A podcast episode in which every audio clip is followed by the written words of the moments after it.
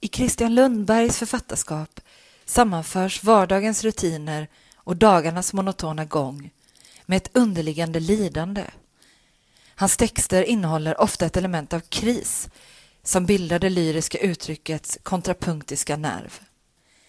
I romanen Jarden från 2009 skildrar Lundberg omställningen mellan kultur och kroppsarbete i Malmö hamn. I diktsamlingen Vi är de döda, nu snart, från 2014 fortgår flyktingförvar och deportationer samtidigt som ett personligt familjedrama återkallas ur minnet. I Lundbergs nya diktsamling Requiem över en förlorad son förlöper dagarna i Malmö märkligt nog som om ingenting hade hänt, trots att diktaren blöder ut sin smärta över sidorna. Requiem över en förlorad son är uppdelad i tre delar. Den första, Jennys bok, börjar i denna vardag, en citat sen eftermiddag, en dag nära på vilken som helst i veckan. Slutcitat. Det skulle kunna vara en onsdag eller en torsdag, inget särskilt utmärker den, varken temperatur eller valutatransaktioner. I det välkända introduceras något oförutsett och nytt, citat, ett namn och att han dog. Slutcitat. Detta, att vardagen fortsätter trots att krisen ständigt pågår, är den motor som driver dikten framåt mot bokens andra obetitlade och längsta del, i vilken gatorna kring Sankt Knuts torg spelar en betydande roll. Lundberg beskriver de gamla arbetarbostädernas förvandling i ett av Malmös numera dyraste kvarter, dess baksida med kyrkogården som skärs mitt i tu av Industrigatan och som besöks av lika många sörjande som joggare. Den tredje och avslutande delen heter De fem sångerna och tar explicit avstamp i den kristna liturgin. Centrala moment ur mässan såsom Kyrie, Gloria, Credo, Sanctus och Agnus Dei förstärker den tematik som läsaren redan med titeln inställt sig på. Requiem över en förlorad son är ett försök till en samtida dödsmässa över något för oss avgörande som har gått förlorat. Frågan är bara vad? Vi börjar i Malmö, den förgångna arbetarstaden som kommit att bli ett omisskännligt och återkommande motiv i Lundbergs litterära värld, så även i Requiem över en förlorad son. Ett torn och en bro har byggts och nu är staden förändrad. Historiens skuggor tycks bortmotade från stadsdelen Sankt Knuts surdegsbagerier och naturvinsbarer. Mäklare och förpackningsmotståndare samlas runt det stenbelagda torget med sina återanvända glasburkar och lånade miljoner. Lundberg vägrar oryggligt låta sig bländas av all denna präktiga yta. Hans blick dras istället mot den nu nedlagda blomsterbutiken invid kyrkogården ett par kvarter bort. Citat. Steril fattig åkermark förklädd till bakgårdar. Enskilda odlingslotter för den mindre familjen. Den som alltid rymmer en eller två döda barn. Det här var utkanten av staden. Det här var platsen där ingenting gick att så eller skörda. Intill ett av områdets mest moderna hus kan du se resterna av ett slags träskjul, modell större. Det påminner mest av allt om en träbarack. Den här lokalen rymde tidigare en minimal blomsteraffär specialiserad på det området krävde. Begravningskransar. Slutcitat. Greppet att ömsom betrakta platsen genom en förgången tid, ömsom ur detta nu, är ett av de mest framträdande i Lundbergs poesi. Kvarteren kring kyrkogården lånar sig i hans dikt till en mer övergripande metaforik om liv och död. Bilden av en steril och åkerfattig mark glider sömlöst över till arbetarnas bakgårdar, som i sin tur blir till odlingslotter där döda barn vilar i jorden. Döden, den symboliska och den faktiska, är inte oåtkomlig och befinner sig inte bortom det kända. Tvärtom löper den nära inpå livet. Det lilla skjulet i skuggan av de svindyra lägenheterna blir därmed en effektiv bild för det Malmö som både historiskt och idag existerar i såväl sin forna fattigdom som i sin nyvunna form. Jag bor bara en bit bort från Sankt Knuts torg och tar ofta en kvällspromenad i området. Nästa gång jag går förbi kyrkogården stannar jag till. Där är borden. Den blir, precis som staden Malmö i Requiem över en förlorad son, en utgångspunkt, ett fäste, ett sätt att orientera sig i en föränderlig värld.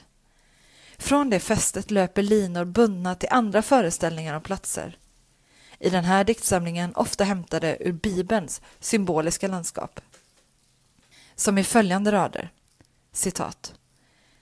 Det kan finnas andra platser, grönskande, vilda som hemliga oaser, dagar väldiga, likt lejonets styrka, krossa inte pojken, när han leds ut bland andra pojkar.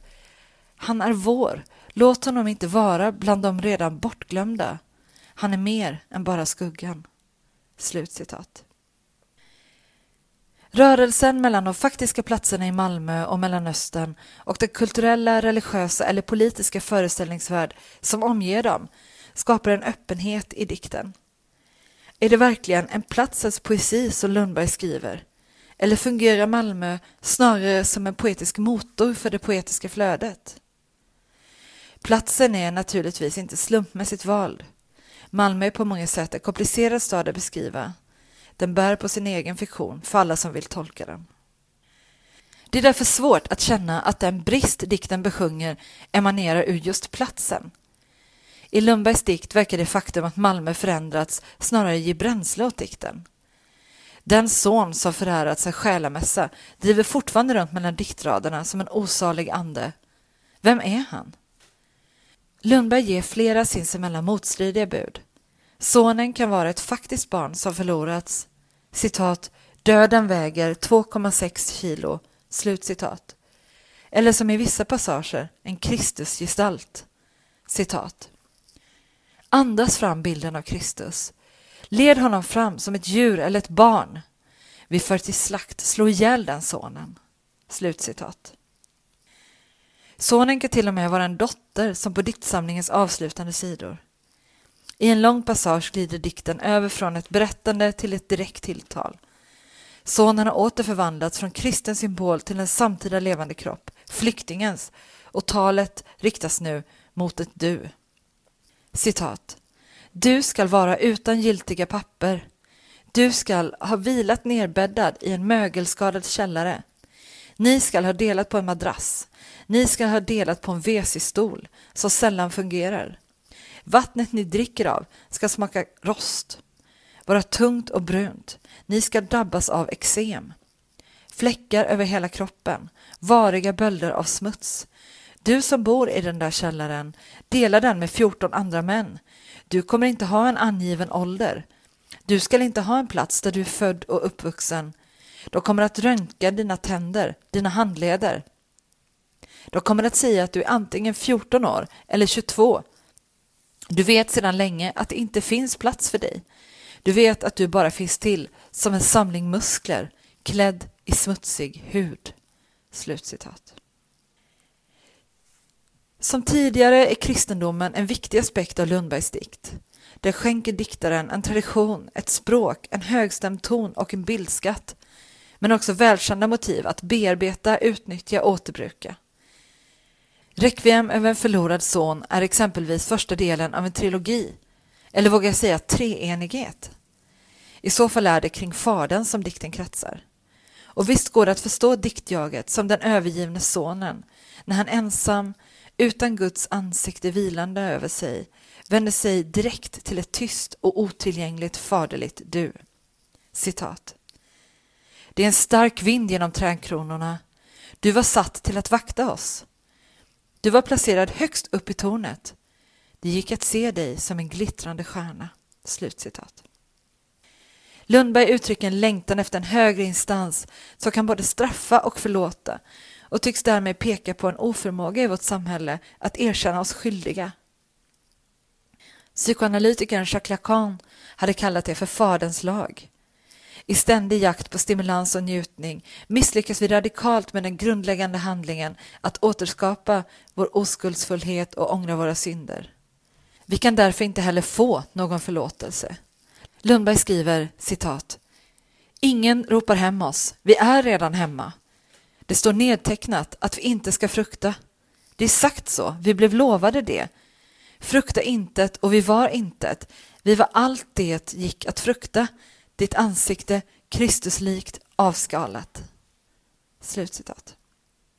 Förlusten kanske därför gäller fadern snarare än sonen, som blir ställföreträdande för den brist som inte låter sig fångas. Den syndare som ångrat sig och återvänt till Gud finns inte. Det är därför Lundberg ser som sin uppgift att hålla en dödsmässa över honom.